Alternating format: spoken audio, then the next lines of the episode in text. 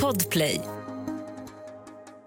Redan nu kan du lyssna på samtliga avsnitt från den här säsongen på plattformen Podplay. Rummet som den äldre damen ligger i är kallt. Hon har huvudvärk och det enda hon önskar är att få hjälp till toaletten. Om hon bara hade kunnat ta sig upp ur sängen själv, då skulle hon klara det utan den där sjuksköterskan. Ännu en gång ropar hon efter hjälp med en rösträv som sandpapper. Hon hör dova steg från trappen. Stegen kommer närmre och närmre. Och till slut får hon syn på den välbekanta siluetten i dörröppningen. Men en känsla av obehag fyller rummet. Damen darrar lätt. I en kort sekund minns hon tillbaka på hur omtänksam den där kvinnan i dörröppningen hade varit den där dagen då de stött på varandra i kyrkan. Men hon hade förändrats. Snälla hjälp mig, viskar damen. Kvinnan stirrar på henne. Sen flinar hon lätt, vänder sig om och stänger dörren bakom sig.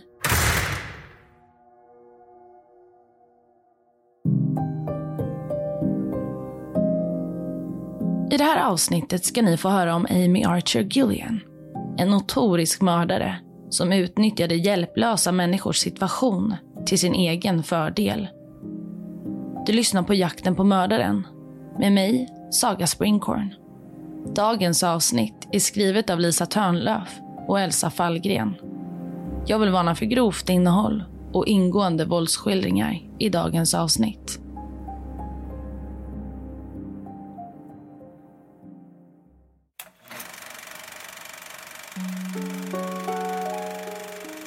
Amy föddes den 31 oktober år 1873. Hennes föräldrar James och Mary var fattiga och hon kom till världen som det åttonde av vad som skulle bli totalt tio barn. Redan från en tidig ålder beskrevs Amy som en hjälpsam och omhändertagande flicka. Det hade fallit sig naturligt efter att en av hennes systrar råkat ut för en olycka som lämnat henne förlamad och därmed behövde extra tillsyn och omvårdnad. Psykisk ohälsa var inte heller helt främmande hos familjen Duggan. Två av Amys syskon blev nämligen inlagda på ett mentalsjukhus. Men trots livets många motgångar behöll Amy en positiv inställning och lyckades till och med utbilda sig. Vilket inte var ett självklart alternativ på slutet av 1800-talet. I New York fick hon sin sjuksysterexamen och därefter började hon kalla sig själv för syster Amy.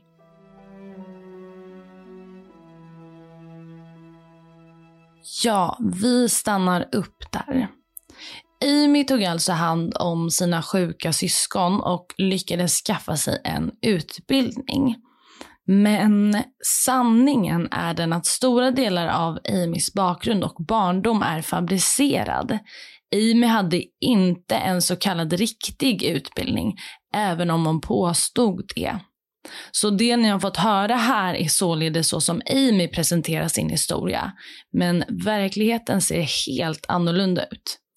Det enda vi faktiskt vet är att Amy var en mytoman som genom stora delar av sitt liv ljög om sin egen identitet vitt och brett. Man vet faktiskt inte exakt när Amy föddes då hon sagt olika till flera olika människor.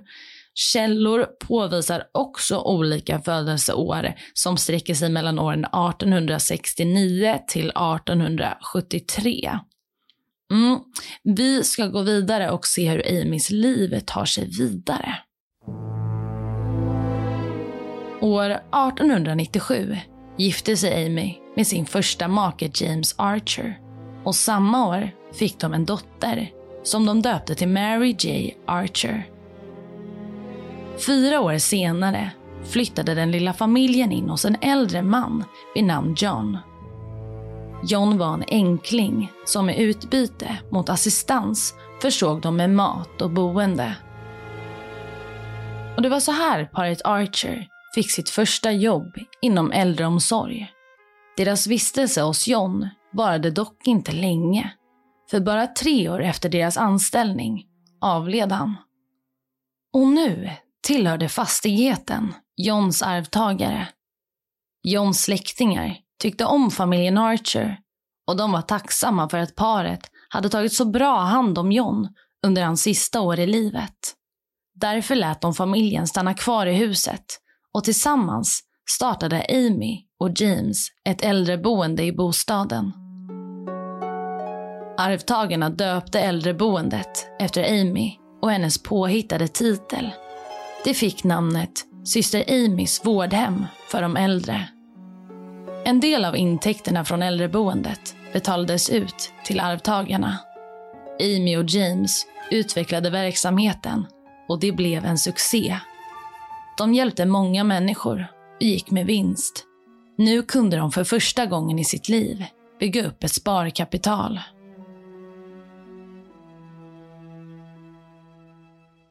Och där stannar vi upp igen. Som ni kanske har förstått så är det här ett gammalt fall och på den här tiden så såg samhället helt annorlunda ut jämfört med idag. Sett till den här tiden hade James och Amy verkligen gett sig in i en bra yrkesbana. För här fanns mycket pengar att hämta. Under den här tiden så förändrades konstruktionerna i samhället. Man går nämligen från generationsboende till ett större fokus på kärnfamiljen. Kvar blev då den äldre generationen, de gamla, som tidigare hade kunnat förvänta sig stöd av sina barn på äldre dagar. De blev lämnade utan familj. Samtidigt ökade dessutom förväntade livslängden dramatiskt tack vare den medicinska utvecklingen. Så plötsligt hade alltså den äldre befolkningen ökat, men det fanns ingen som kunde ta hand om dem riktigt. Tack vare den stora kundbasen var det alltså väldigt företagsamt att starta äldreboenden under den här tiden. Så när invånarna i Litchfield får reda på att sjuksköterskan Amy Archer, en väl omtyckt kvinna i staden, skulle använda hennes nyfunna plats i huset för att vårda de äldre så blir hon snabbt populär. Vi fortsätter. Ett poddtips från Podplay. I fallen jag aldrig glömmer djupdyker Hasse Aro i arbetet bakom några av Sveriges mest uppseendeväckande brottsutredningar går vi in med hemlig telefonavlyssning och, och då upplever vi att vi får en total förändring av hans beteende. Vad är det som händer nu? Vem är det som läcker?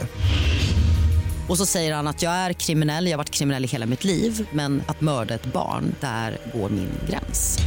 Nya säsongen av Fallen jag aldrig glömmer på Podplay. År 1907. Efter bara ett år som verksamma stängdes äldreboendet och huset lades ut till försäljning. Nu stod familjen Archer utan ett hem. Men tack vare deras besparingar från äldreboendet lyckades de köpa sig en egen fastighet i staden Windsor. Eftersom det var ett företagsamt koncept, det här med äldreboenden, bestämde sig paret för att ännu en gång starta upp ett boende.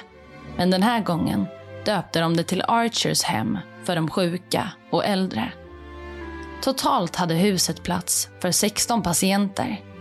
Men till skillnad från förra boendet började nu även paret Archer ta in kroniskt sjuka patienter.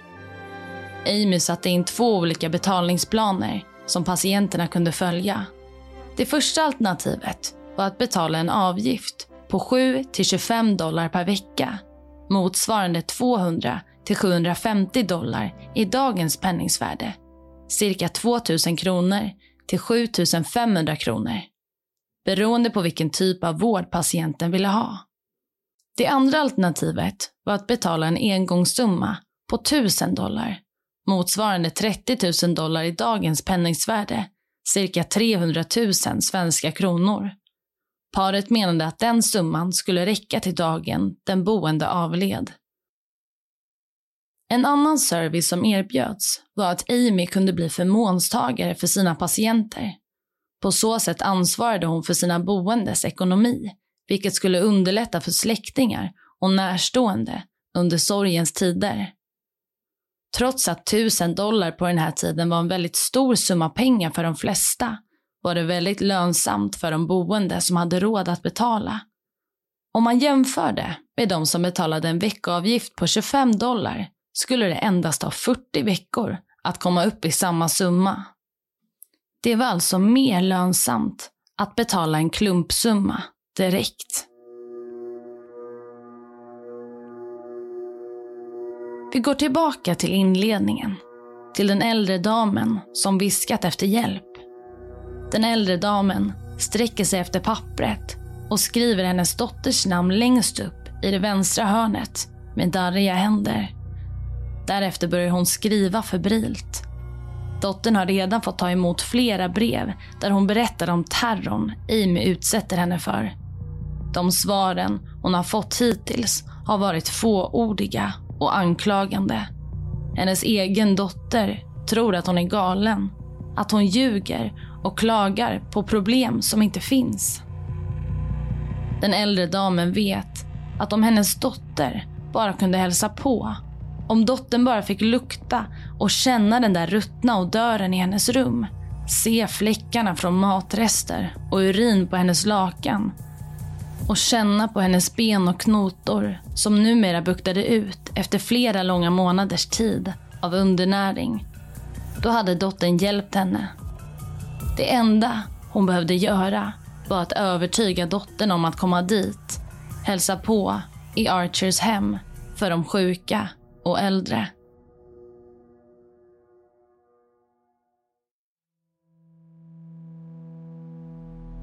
Snart börjar underliga saker uppmärksammas i äldreboendet och anmälning efter anmälning rullar in.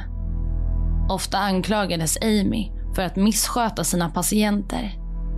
I en av de många anmälningarna skrev en äldre kvinna som bott på hemmet om hur Amy både försummade sina patienter och lät dem leva under osanitära förhållanden.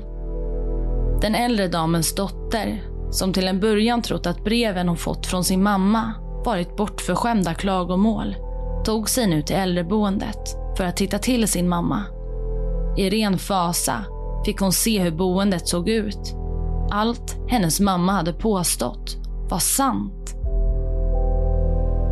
Det hela resulterade i en anmälan till kommunen. Men Amy, som inte ville befläcka sitt goda rykte och genomgå en rättegång, erbjöd istället kvinnan 5 000 amerikanska dollar i en förlikningsprocess, vilket är över en miljon svenska kronor i dagens valuta. Amy var desperat.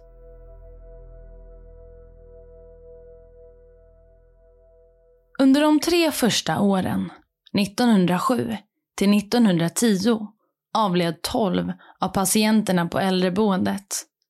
Men eftersom att äldreboendet både tog emot äldre och kroniskt sjuka var det få som lyfte på ögonbrynen. Likt förr var Amy lika omtyckt av hennes omgivning, trots alla klagomål. Istället viftade många bort klagomålen som elaka rykten. En äldre man som hade varit i Amys vård anmälde den bristfälliga hygienen i boendet. Men den här gången kunde inte Amy erbjuda en förlikning, för hon hade helt enkelt inte råd. Istället lyckades Amy övertyga rätten om att mannen var galen och numera inskriven på ett mentalsjukhus. Och mannen, som inte hade några släktingar som kunde motsätta sig Amys påståenden, var nu tvungen att ge sig. Men bara ett år senare, år 1910, började Amys patienter dö som flugor. Äldre människor, som till synes varit friska, kollapsade från ingenstans. Och yngre patienter, så unga som 30 år gamla, avled på grund av diffusa symptom som i de flesta fall inte hade någon koppling till deras sjukdomstillstånd. Men trots det så är det ingen som ingriper. Tiden går och Amys make avlider plötsligt. Amy är på väg till Försäkringskassan för att ta ut sin avlidne makes livförsäkring. I hans dödsattest står det att han har dött av naturliga skäl. Närmare bestämt Brights sjukdom, en njursjukdom. När han levde hade han däremot aldrig blivit diagnostiserad med sjukdomen På väg till Försäkringskassan är det flera som stannar upp för att beklaga sorgen. Amy möter deras blickar och nickar försiktigt, utan att le. Allt för att antyda någon form av uppskattning och sorg. Men allt är ett skådespel. I själva verket är Amy nöjd. För hon behöver verkligen pengarna. Bara några veckor tidigare hade hon tecknat en livförsäkring i hennes makes namn. En livförsäkring hon nu skulle få ta ut. Efter James bortgång började Amys liv kretsa allt mer kring pengar. Det gick att antyda i Amys många bestridanden gällande den skatt staten krävde att hon skulle betala. Bland annat utnyttjade hon sin nyfunna position som änka för att undvika att betala och i ett utdrag från ett av sina bestridanden från 1911 skrev hon så här. Allt jag önskar är att ni behandlar mig ärligt. Jag har fullt accepterat min förlust och stora sorg och att jag nu är ensam och självständigt måste ta hand om och utbilda min lilla dotter som blivit berövad hennes käre far som hon älskade djupt. Däremot är jag inte rädd för att kräva rättvisa och det är på tiden att ni visar mig det. Avsikten med skrivelsen var att Amy ansåg att skattekraven var orättvisa och att de krävde för mycket av just henne. De borde ju tycka synd om henne och förstå att en så godhjärtad själ som hon inte förtjänade ett sånt straff, att betala massa skatt. Under den här perioden utpressade Amy även sina patienter på mer pengar och donationer. Det började dessutom bli ännu viktigare för henne att få vara sina patienters förvaltare. Så orden, kraven och terrorn som pågick bakom stängda dörrar blev allt större och större.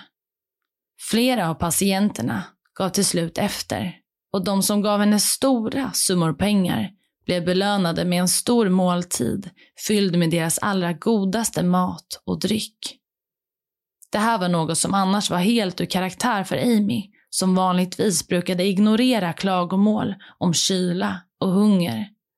Amy behövde dock inte vara så givmild särskilt länge, då de här bombastiska måltiderna ofta kunde vara patienternas sista. Samtidigt som Amy krävde pengar från sina patienter donerade hon också stora summor pengar till kyrkan. I kyrkan skaffade hon sig konstant nya vänner som inte kunde annat än att prata gott om den givmilda och djupt troende kvinnan som precis förlorat sin man men ändå lyckades driva ett boende för att hjälpa de mest utsatta. Ett poddtips från Podplay. I fallen jag aldrig glömmer djupdyker Hasse Aro i arbetet bakom några av Sveriges mest uppseendeväckande brottsutredningar går vi in med hemlig telefonavlyssning och, och då upplever vi att vi får en total förändring av hans beteende. Vad är det som händer nu? Vem är det som läcker? Och så säger han att jag är kriminell, jag har varit kriminell i hela mitt liv men att mörda ett barn, där går min gräns. Nya säsongen av Fallen jag aldrig glömmer på Podplay. Tre år efter Amys makes bortgång träffar hon en ny man vid namn Michael. Han var en välbärgad enkling med fyra vuxna söner och som under en längre tid varit intresserad av att investera i Amys verksamhet. Men han var inte bara intresserad av det. Han ville också ha Amy. Michael lyckades skärma henne och paret gifte sig i slutet av 1913 och Amy Archer blev nu till Amy Archer Gillian. Det här äktenskapet skulle bli kort eftersom Michael dog bara några månader efter vigseln. Michaels officiella dödsorsak var ett resultat av hjärtsjukdom och matsmältningsbesvär. Trots att äktenskapet inte ens hade sträckt sig ett halvår hade Michael i sitt testamente skrivit att alla hans ägodelar och besparingar skulle tillhöra sin hustru Amy. Något som förvånade Michaels söner. Ja, hörni. Nu börjar ju allt mörkare och mörkare sidor av Amy att uppenbara sig. Och nu kan vi också börja ana vad Amy hade för motiv för sina gärningar. Pengar. För det var ju så att det var Amy som låg bakom mordet på sin make James och nu också på maken Michael. Men än så länge är Amy inte påkommen och Michaels plötsliga död har nästintill förbättrat hennes rykte. Vi går vidare. Låt oss nu återgå till alla dessa dödsfall. Mellan åren 1911 till 1916 hade nu 48 patienter dött i Amys vård. I jämfört med de 12 dödsfallen under de tre första åren av hennes verksamhet hade antalet döda ökat lavinartat. Men ännu en gång var det fortfarande få som ifrågasatte Amy och hennes verksamhet. Dödsorsakerna bortförklarades trots att de alla var ett resultat av diffusa sjukdomar med otydliga symptom. En av dem som avled i Amys vård var Franklin Andrews. Franklin var en äldre och till synes frisk herre som den 29 maj år 1914 var ute och arbetade i trädgården. Efter en timmes arbete blev han snabbt dålig och kollapsade. Inte långt senare dödsförklarades han och den officiella dödsorsaken påstods vara ett resultat av ett magsår. Efter hans död ärvde hans syster Nelly hans ägodelar. Bland Franklins saker hittade Nelly ett brev från Amy. I brevet kunde hon urskilja påtryckningar från Amy. Hon ville att Franklin skulle ge henne mer pengar. Nelly var en av de få som hade misstankar gällande verksamheten och därför vände hon sig till en advokat. Hennes insatser och hårda arbete gav däremot inget resultat. Så istället vände hon sig till media, en tidning i närområdet. Hon bad dem att uppmärksamma vad som faktiskt pågick i vårdhemmet. Windsor, 1915. Den välkände journalisten Carlen Gosley sitter och jobbar vid sitt skrivbord när det plötsligt knackar på dörren. Varsågod och kom in, säger mannen. I dörröppningen får han syn på en äldre dam. Han känner inte igen henne och gestikulerar därför slappt med handen för att få henne att sätta sig ner. Damen introducerar sig som Nelly. Sen förklarar hon att hennes ärende gäller Amys vårdhem. Carlen ryser till och tänker tillbaka på den tiden då han ansvarat för tidningens dödsannonser. Många gånger hade han förundrats över hur frekvent vårdhemmet nämndes i annonserna. Likt alla andra i området vet han att Amys residenter är äldre och sjuka. Men att det inträffade runt tio dödsfall per år kändes underligt.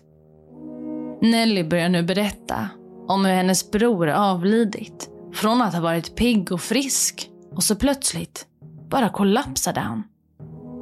Hon slänger sedan en bunt papper på bordet framför journalisten och han förstår nu att det här är mer än en simpel anklagelse. Här finns det en story. Han reser sig upp, stänger dörren och vänder sig till Nelly. Han ber henne att fortsätta berätta. Efter mötet mellan journalisten och Nelly begav han sig ut. Han skulle undersöka saken vidare genom att besöka stadens olika apotek. Han intervjuade apotekarna och frågade om någon av dem hade kommit i kontakt med Amy Archer. Och mycket riktigt så hade de det.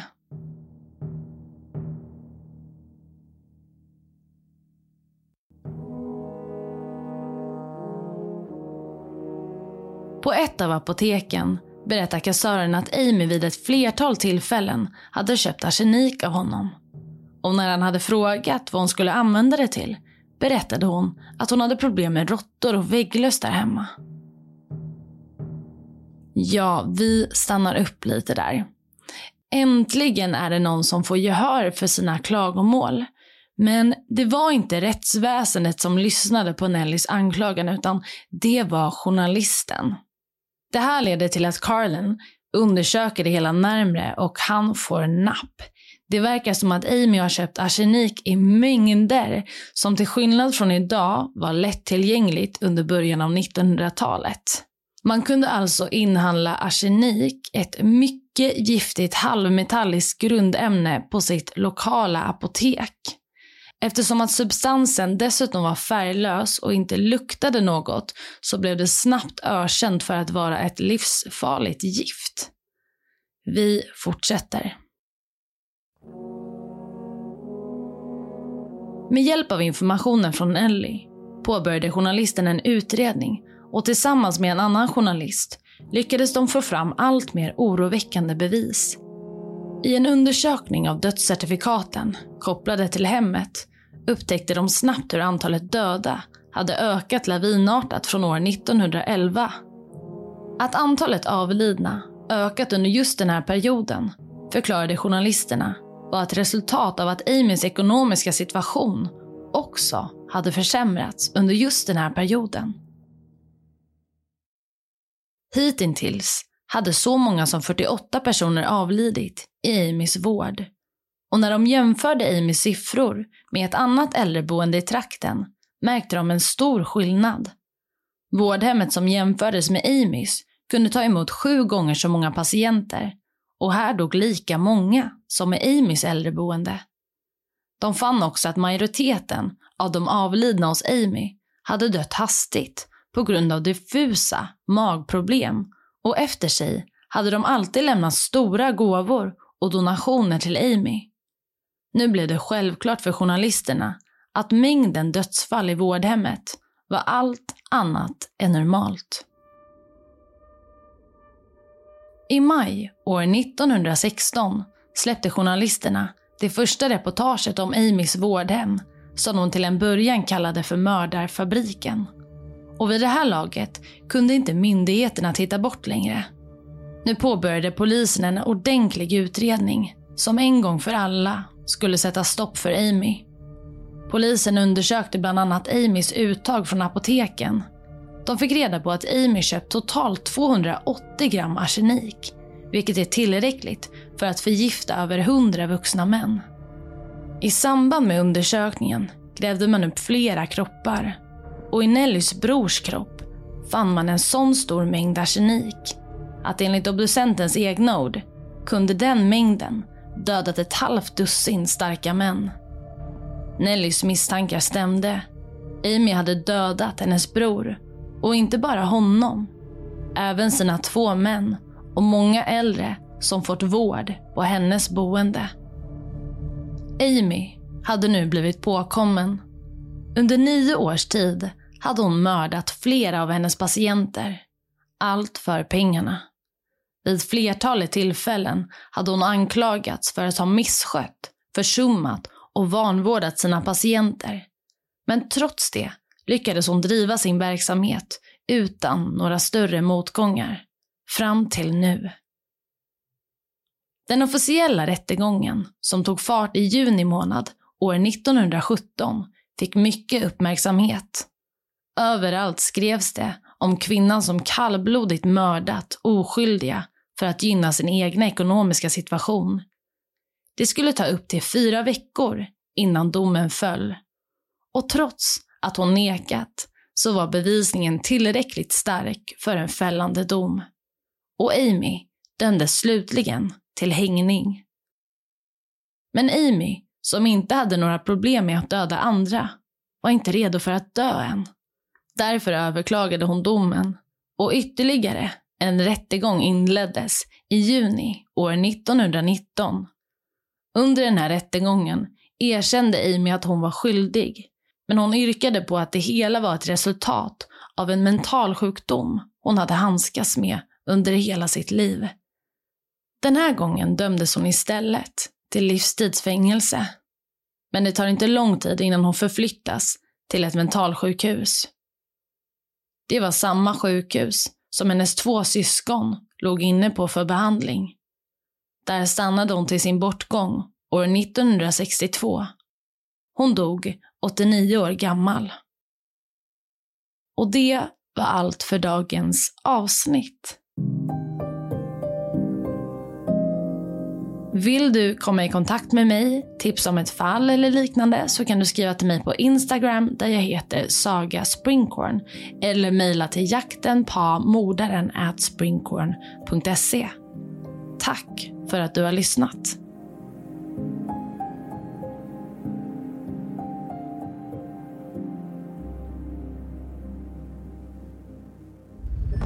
Podplay, en del av Ett poddtips från Podplay. I fallen jag aldrig glömmer djupdyker Hasse Aro i arbetet bakom några av Sveriges mest uppseendeväckande brottsutredningar.